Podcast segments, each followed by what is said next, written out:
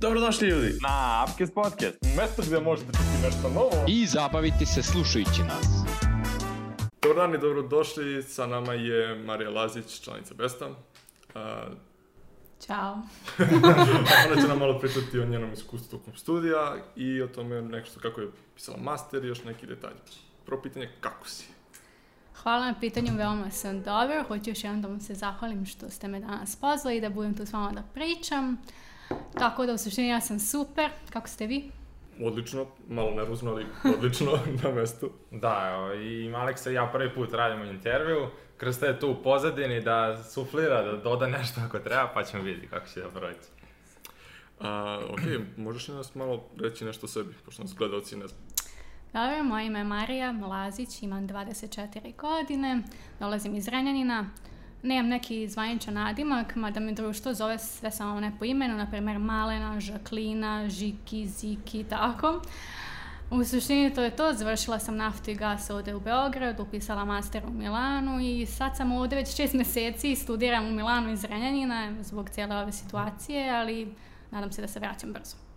Kako, uh, kako nafta i gas pa posle u Milano, kako je to, kako je to bio prelaz? E, pa u suštini ja sam kad sam trebala da razmišljam o tome koji ću faks upisati, nisam baš bila sigurna i mislim da dosta mladih srednjoškolaca u Srbiji nema tu neku kao viziju o tome šta želi da bude kad poraste. A, tako da bi srednjoškolski sistem trebao da radi na nekom pružanju profesionalne orijentacije đacima. Da, nekom ja, usmeravanju više. Da, u suštini. A, ja imam na sreću sestru koja je 15 godina starija od mene, tako da sam s njom sela i počela da pričam o tome o čemu sam ja sposobna, šta bi bilo dobro za mene i moju budućnost. A naftna industrija je dosta poznata u Zrenjaninu, mi imamo naftna polja u Vojvodini, tako da je na tu neku furu stiglo da ja bi mogla da upišem naftu i gas, pogotovo što nije baš neki najpoznatiji smer a, fakultet u Beogradu. I tako, kroz četiri godine rada ja sam se stvarno dosta zbližila sa energetskom industrijom, svidelo mi se, ali onda sam rekla, e, neću više baš do inženjerstvo, haj malo da bude multidisciplinarno, tako da sam upisala management energetskih resursa u Milanu. Fino, fino, majke, znači isto sam ja imao problem i dilemu kad sam ja krenuo da upišem faks, jer uh, od početka prva godina srednje, druga godina srednje, rekao, ok, sigurno neću ništa sa matematikom, neki jezici, neko inostranstvo, posle toga je bilo, e, aj malo teologije, zanimljivo, ne, to je, to je tako prelaz, onako da, lagan da, bio. Da. Pa je posle bilo farmacija, jer, jel te, to je treća godina i na kraju četvrta godina fona. Znači, od početka kao, mm. e, neću matematiku, četvrta godina, fon, super, to je, to je savršen put. Da, da. Mislim, moram, e, crno, moglo bi malo da porade na tome, ali, dobro, Jeste, ali zavisi dosta od toga šta upišeš. Ako ćeš ti da u srednjoj školi da upišeš gimnaziju, ona naravno da te neće nešto posebno dalje usmeriti. E, pa jeste, u suštini ja sam upisala gimnaziju društveno jezički smer i ja, na primjer, poslednje dve godine nisam imala fiziku, hemiju, imala sam matematiku i prof, moja profesorica matematika je čula da ja upisujem rusko geološki, žena se krstila. I puta rekla, Marija, ti ćeš da upišeš to? I rekao da. I onda kad sam upisala imala sam 60 bodova na prijemno, odmah sam iz poslala poruku profesorice, 60 bodova, ona bila po zvonu, nemoguće.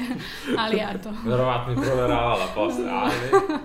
e. Skidam kapu svaka čast na 60 bodova. A. Mislim, ja sam bio pa. opšti tip, tako da ja sam još bio gore, imao sam svega pomalo ništa konkretno, niti jezici, niti bilo šta, tako da, ono, ne znam. A, Jeste, tebi je bilo najteže. Da, ja, ja, ja, ja ovde meni bilo najteže, stvarno ja sam ovde malo dete.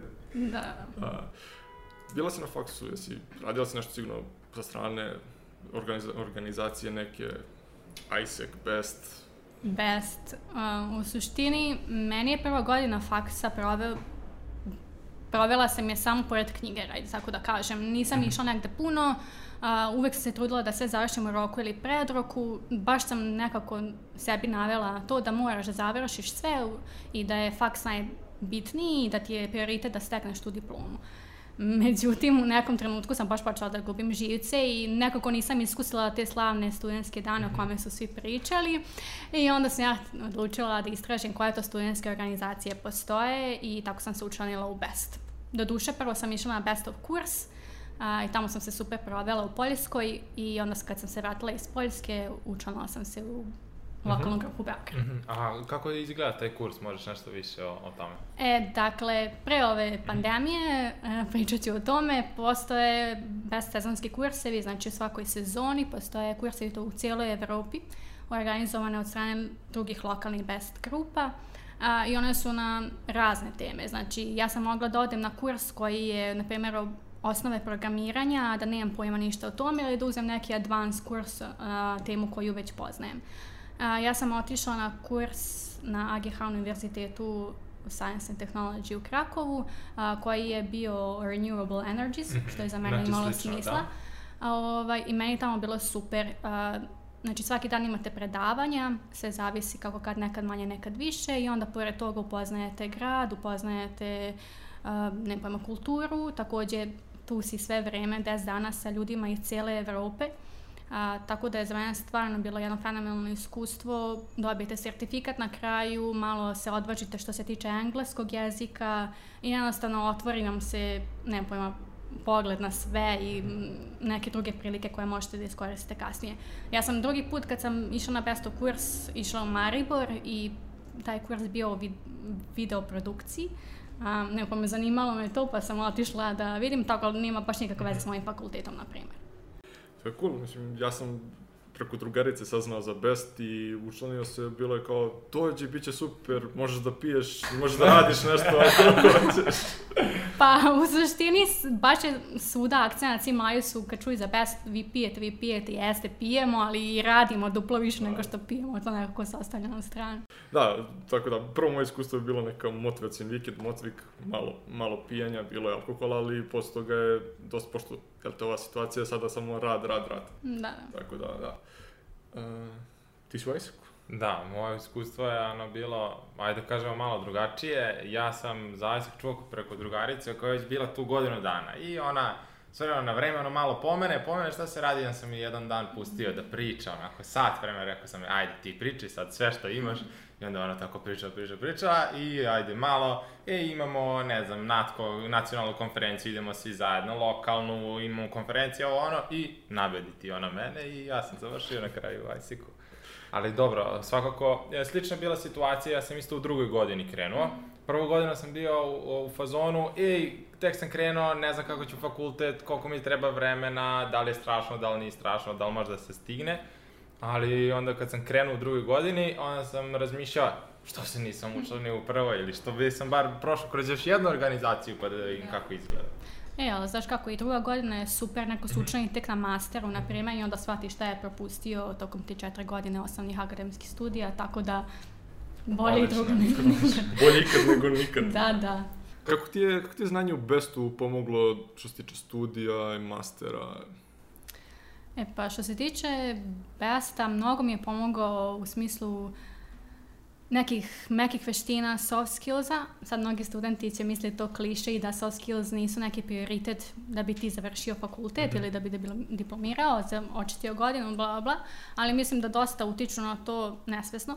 U smislu kroz Best sam naučila da upravljam svojim vremenom, da upravljam projektima, stekla neke komunikacijne, prezentacijne veštine koje mogu da pomognu na faksu ako malo razmislite bolje što se tiče usmenih ispita ili prezentacije koje držite, tako da u tom nekom smislu je super.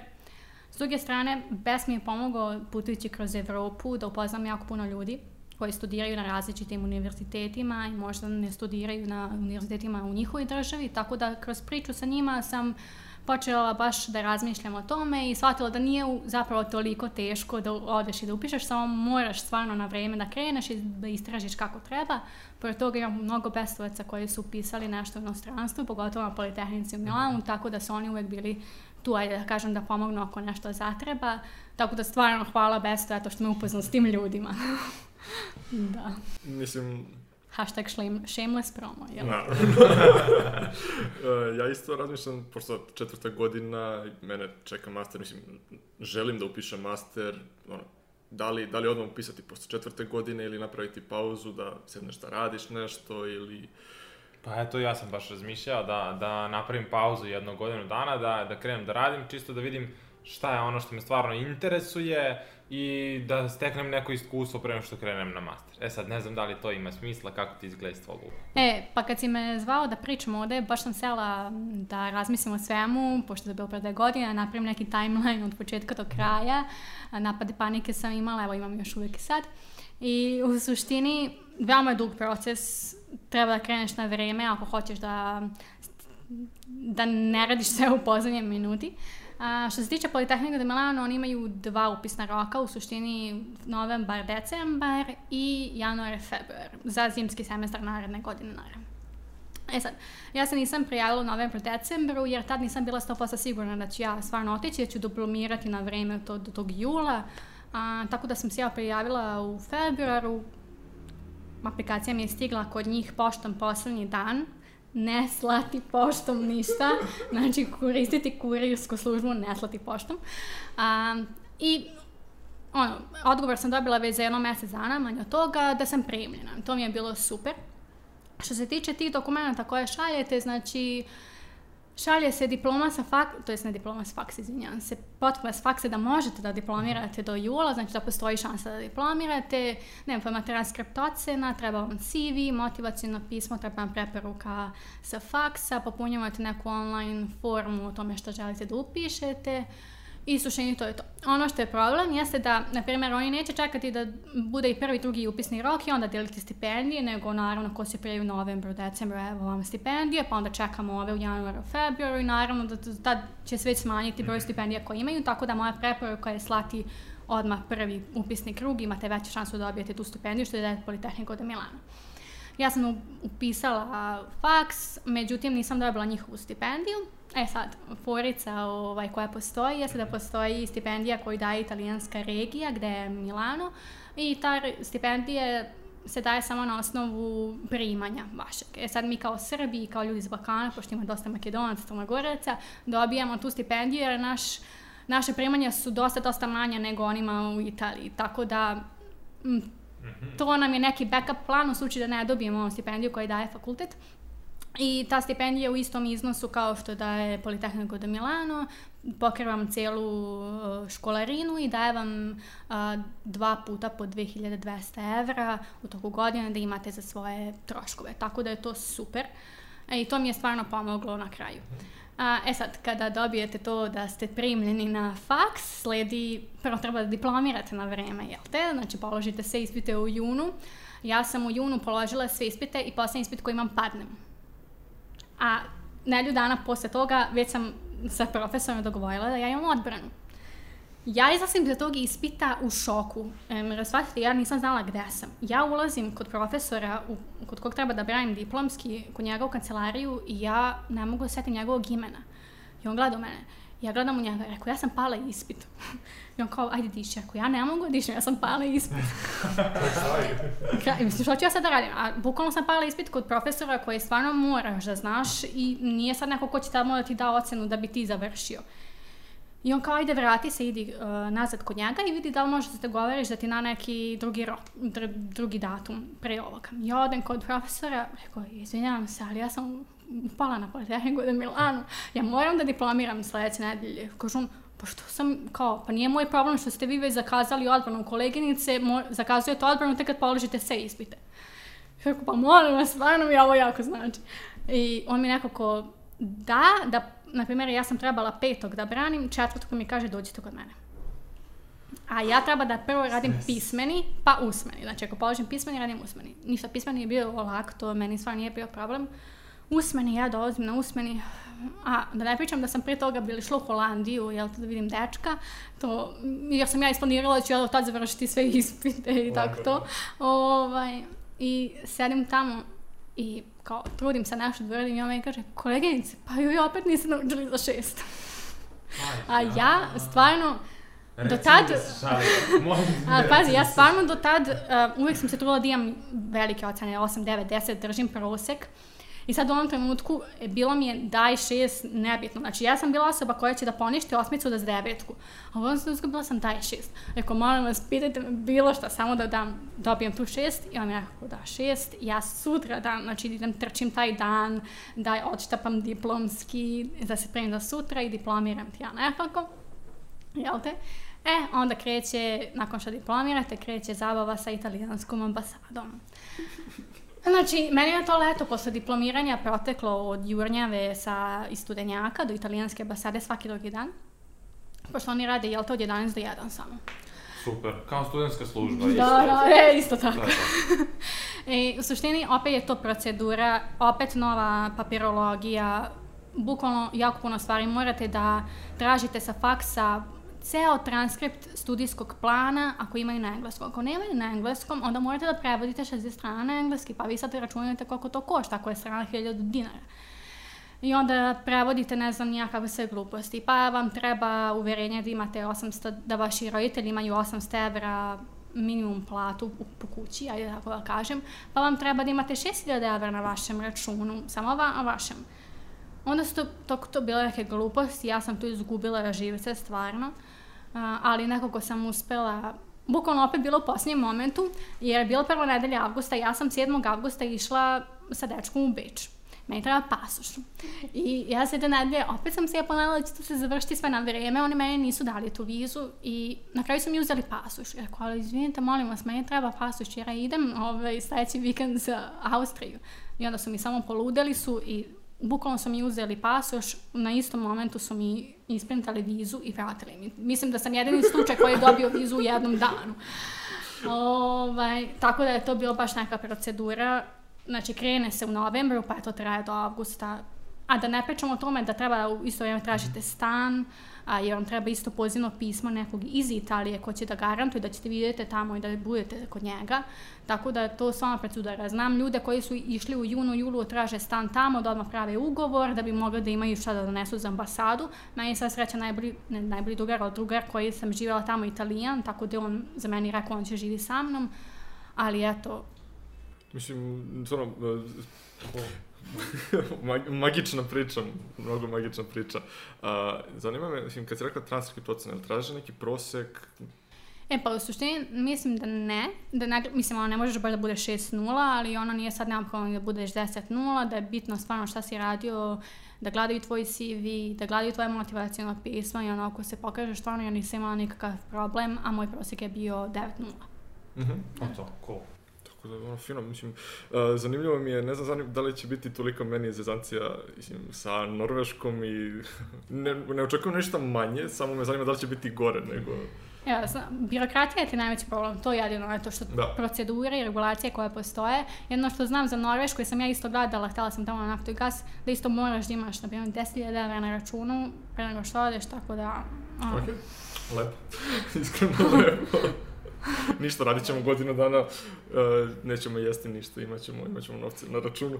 Pa to je to. Pa to je To je to rešenje isto. Uh, čuo si ovu stranu, da li, da li si još uvek želiš da upišeš master u inostranstvu? Pa mislim da moram da radim godinu dana. A dobro, stvarno Šalim se, ovaj, ne, opet bih želeo da idem u inostranstvo, zato što, kažem, ono, nekako druga je stvar kad si ti potpuno u drugoj državi, od svoje porodice, od svojih prijatelja, potpuno uh, treba da se osamostališ, ne bi li funkcionisao tamo kako treba. I mislim da nekako baš da je bitna stvar, pogotovo u današnjem svetu kada je sve nekako globalno ide, da ti moraš da znaš da komuniciraš konstantno sa ljudima, internacionalno, u krajnjoj liniji gde god budeš radio, sigurno ćeš se čuti sa nekim ljudima u inostranstvu, preko video kola, bilo čega, moraš da znaš da se snađeš, da se opustiš, što ti pominješ meke veštine, to je isto jedan način da se, da se one stekne. Uh, ok, drago nam je što si došla. Um, Hvala što ste me pozvali. Naravno. to je to. Ljudi, nastavak ove priče ćete čuti na podcastu koji će izaći u petak i možete da naručite majicu preko naše Instagram stranice. Um, stvarno, još uvek, još uvek ne znam koji ću, koji ću faks da upišem u Norveškoj. Mislim, volao bih da znam, ali ne još. Pa mislim da bi ti bilo krajnje vreme da kreneš da tražiš, jer u suštini što više istražuješ, vi ćeš naći opcije da nađeš. Možda ambasada Norveške u Srbiji daje stipendiju ili ćeš naići na neku petu opciju, ali bitno je da istražuješ, istražuješ dok ne nađeš nešto što ti odgovara. Mislim, uh, stvarno, drug mi je, drug mi je ispričao za tu stipendiju Kraljevine Norveške i to je bilo pre nekoliko, pre, valjda, šest godina i sad ne, ono, to stvarno, tad su delili i tad je bilo full stipendija, imaš maltene, imaš i novca za smeštaj, što tamo u Norveškoj baš i nije jeftin, tako da, Ne znam koliko možeš da se osloniš na informaciju od pre šest godina, mislim da bi trebalo malo da istražiš, ako si već na, u organizaciji, to nađi nekoga ko je otišao od alumnija, ko je otišao na masteru u Norvešku ili koji ima barem neko znanje o tome kako to izgleda, pa kupi informacije. E pa vidi, to je stvarno, to je stvarno pametna Da, ideja. da. A, mo- moram priznati, nisam razmišljao o tome do sada, jako, kao, Da, u organizaciji sam i da došla je, došla je Marija da priča sa nama o masteru i alumnije. Ne, meni da pane na pamet da tražim neko ko je otišao u Norvešku na neki faks, ne, to sad ali, ok, hvala ti, bukvalno ću potražiti sad na druženje u subotu. Na čemu? A, mislim, neko iskustvo sa italijanima, neko pozitivno ili negativno, ili nešto što si, što si imala, a što nisi očekivala da će tako biti, ako imaš nešto. Da, okej, mislim, znam da, da nisi bila previše dugo tamo. Mm, Da, I pa je izbila cela situacija, ali... joj, sad kad treba da se setim nečega, stvarno mi je teško tako u trenutku. Um, ne znam, u suštini, sad, problem je što ja sam dosta ljudi znala pre nego što otišla tamo, znači ljudi s kojima sam ja živela su svi bestovci, a, dva italijana, jedna ruskinja, tako da se nekako svi znali. Ne mogu sad da kažem da neko pozitivno iskustvo, jer sam imala pozitivno iskustva s njima i pre mog odlaska u Milano, ali pa ne znam, mogu da pričam o negativnim iskustvima mnogo, opet što se tiče birokratije. Um, jednostavno, nama kao koji nismo iz Europske unije je jednostavno veoma teško uh, da se sporazumemo sa njima i da nam olakšaju stvari. Procedure su mnogo pet puta teže. Prema meni su izdali boravišnu dozvolu za koliko traje i sama viza, što nema smisla. Oni trebali su da mi daju jednu godinu više. Um, I naravno kad sam ja otišla u, u policiju, s njima tamo tri dana provela, oni meni rekli pa ne znamo šta je problem, ti idi uplati opet. I tako mislim, ono, one su u fazonu flagme su, boli ih uvo za sve, ako mogu da ne rade ništa, radili bi ništa, ali ne znam, mislim, po, to je potpuno drugačije, na primjer, na primjer na faksu mi je super, a, profesori su stvarno veoma da kažem, posvećeni tome što rade i stvarno hoće da se približe svakom studentu, ali pošto je nas 800 na celom smeru i 200 u grupi, to baš i nije bilo moguće, ali opet trude se da budu tu, odgovaraju na mailove u roku od jednog dana i manje, nema sad neke tu zefrakancije, treba da ih juriš, žuriš, a, ovaj, i ono, to mi je pozitivno ono, kao aspekt što se tiče Mil Milana generalno je, eto, sve drugo ono, manje više me baš briga, ali fakultet je ono što je jedino bilo super. Mislim, njihovi profesori čak su ažurniji nego naši ovde, bukvalno jedan mail, ništa.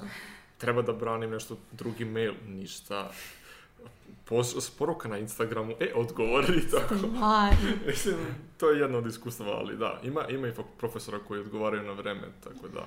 Mislim, generalno problem univerziteta u Beogradu je što to svaki fakultet radi pojedinačno i nema tu neku Da. uniformnost između pro, kvaliteta programa, projekta, pro, profesora od jednog drugog fakulteta. Tako da mislim da to zaista fali. A, na fonu barem što sam čula, mislim da postoji dosta kvalitetni profesora koji te stvarno guraju da radiš nešto i sa strane i da ti pomognu nekako da izgradiš sebi svoju ličnost i da znaš šta ćeš da radiš posle faksa, dok na primjer na mom faksu njih ništa ne zanima, dođu ti da, ti- da ti spredavaju ti 45 minuta i to se moliš Bogu da budu ti 45 minuta i izađu i ko da se ne poznajemo nikad više, znaš. Da, Tako da, Da, mi smo imali, mislim, slažem se sa tim tvojim uh, viđenjem fona, donekle je tačno, ima, ima dosta profesora koji će stvarno da te guraju i ako vide da se ti trudiš i onda će i oni da se trude oko tebe i to je meni, na primjer, pozitivna stvar. I ono, a što se tiče generalno ovo javljanja profesora, me- mailova i to, Uh, otprilike od starih generacija znaš kome treba da se javiš i ko će da odgovara. Da, naravno, I onda toga. ti to mnogo pomaže na fakultetu. Mislim, uh, ok, kod nas jesu profesori da žele da ti pomognu i sve fino, ali neće oni prvi da ti pruže ruku. Mislim, ona ruka im je slobodna, ali trebaš, treba ti da pitaš, treba ti da se aktiviraš i ima, o, ima studenta koji to rade, ali po meni većina ne radi to. Ali što je donekle realno, ti u životu nećeš imati situaciju da će tebe neko da vuče za ruku i da ti pomogne, ti treba da sam da naučiš da ti istimaš neku osobu, da je pozoveš, da pitaš ako je tebi potrebno. tačno. Mislim, da, ali opet ljudi, ljudi, ljude, ljudi se plaše da pitaju, kao pro, pro, profesore proješ, poješćete, ono, mislim, profesori jesu tu i stariji su i pametniji su, treba da budu pametniji, ali nisu babarogi. Tako da, e, što se tiče profesora u, na Politehnikom, da li su zahtevali italijanski? Ne, ceo master program je na engleskom jeziku, čak i za italijane obavezno da imaju italijan, da imaju na engleskom, izvinjam se. Uh, tako da oni nemaju itali, program master na italijanskom jeziku, što je, mislim da je super. A, kako je došlo od toga, rektor Politehnika de Milano, ne znam, pre jedno 20 godina uvideo da natalitet ljudi, populacije u Italiji opada, tako da je hteo da privuče što više internacionalnih ljudi na Politehniku de Milano i tako je rekao, e, od ove godine imamo master samo na engleskom i to je to. Mislim da je to super, mislim da oni sami mislim da im je dosta znači da imaju do dve godine priče na engleskom. Možda im je malo problem naš posle tre godine samo italijanskog učenja italijanskog se prebaci na engleski, ali mislim da im dosta znači kasnije u poslu i radu. S jedne strane, možda je to i razlog što, što se drže u grupicama, kao što smo pričali, znaš. Pa jeste, mislim oni su ne, ne znam kako sad da objasnim, oni su baš menadžeri kad dođu na faks. Pošto, eto, ja studiram neku vrstu menadžmenta, jel te? A, ne pojma, uvek kravatice, sako i vamo tamo i uvek se trude da sve što rade, svaki projekat koji rade, bude maksimum bodova, da i svakog predmeta koji imaju ostvaren maksimum bodova. Naprimjer, meni sad više nije toliko bitno da ja imam najveću ocenu, jer m, ja imam mnogo toga da izgubim. Ako ja ne položim predmete, ja ću izgubiti stipendiju, na primjer. Tako da je meni bitno samo da polažem, polažem, završim. Oni se baš toliko opterećeni da budu naj, naj, naj u svemu i ono, hoće, i zato znaju da, ej, mi smo grupica od pet ljudi koja je već radila projekat zajedno i imali smo najveći bod, mi ćemo opet da radimo zajedno. Tako da ne trude se tu da sad se upoznaju s drugim ljudima i da vide kako možda neki drugi ljudi radi jer igle- igraju na sigurno. Ali u drugu ruku postoje projekti gde nas profesori miksuju sami, tako da imamo priliku da se mi družimo sa njima i da radimo sa njima i to mi je super. Ja sam, zaboravio sam, ne, htio sam, htio sam ti pitam nešto, a, a, Malo da je bilo bitno. Ne, je bilo. Da, da, da. ono. A, kakvi su italijani sa engleskim, pošto znam da mi imamo ono tvrd engleski i neka slova.